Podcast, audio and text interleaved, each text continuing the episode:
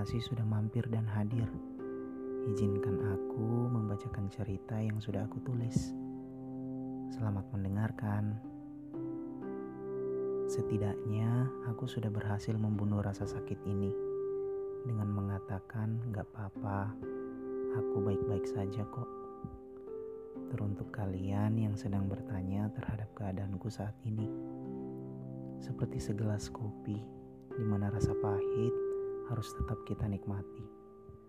Bahwa itu adalah konsekuensi terhadap hidup yang terus berjalan dan beriringan terhadap hal yang menyenangkan dan yang tidak.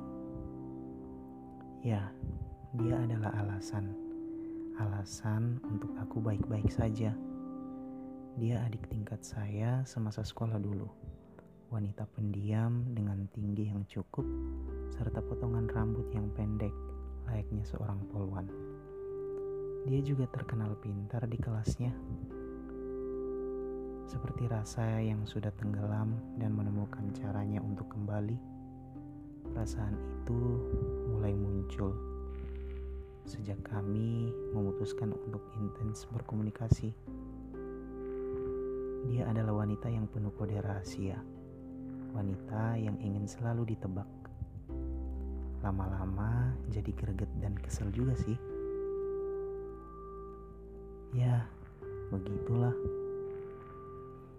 Ini yang membuat dia terasa istimewa di mataku. Dengan sikapnya yang dingin, membuatku makin jatuh cinta dan ingin memiliki. Dia adalah alasan untuk mengindahkan yang lain bagi mereka yang ingin bertamu.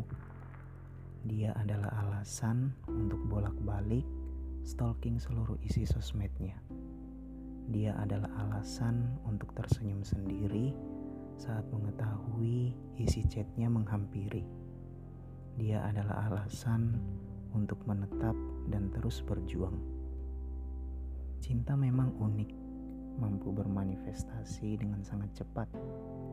Kadang benci saat chat dibalas lama, kadang dengan secepat mungkin bisa sayang lagi. Sejauh ini, aku masih mencintainya dalam diam, dalam harap yang penuh. Berharap bahwa rasa ini akan berbalas. Sepertinya dia juga sudah tahu kok semua isi hati ini. Tapi entahlah, kita memang layak bertanggung jawab dan pantas memperjuangkan atau memilih mana yang membuat kita bahagia. Bukan soal waktu dan jarak, tapi soal menunggu dan menjadi layak. Sesekali aku suka berbisik kepada semesta di tepi senja. Izinkan aku bertemu dia sekali lagi untuk mengatakan seluruh isi hatiku. Soal apa yang akan dikatakan untuk merespon kata-kata yang keluar dari mulutku itu soal nanti deh. Setidaknya aku sendiri tak lagi jatuh cinta dalam diam.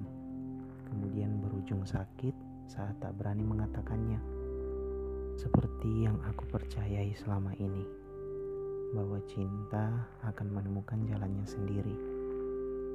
Jalan untuk menuju rumah terbaik untuk tinggal menetap dan berbagi kisah dan cerita. Hati ini masih akan tetap berjuang untuk tumbuh. Entah sampai kapan. Tumbuh untuk menjaga namamu yang sudah ada. Tumbuh untuk tetap memastikan kamu baik-baik saja. Percayalah, tak ada yang lebih hebat dari cinta yang tulus. Meski kemudian tak berakhir dengan mulus. Percayalah, doaku masih sama. Doa yang kuucap saat ulang tahunmu kemarin.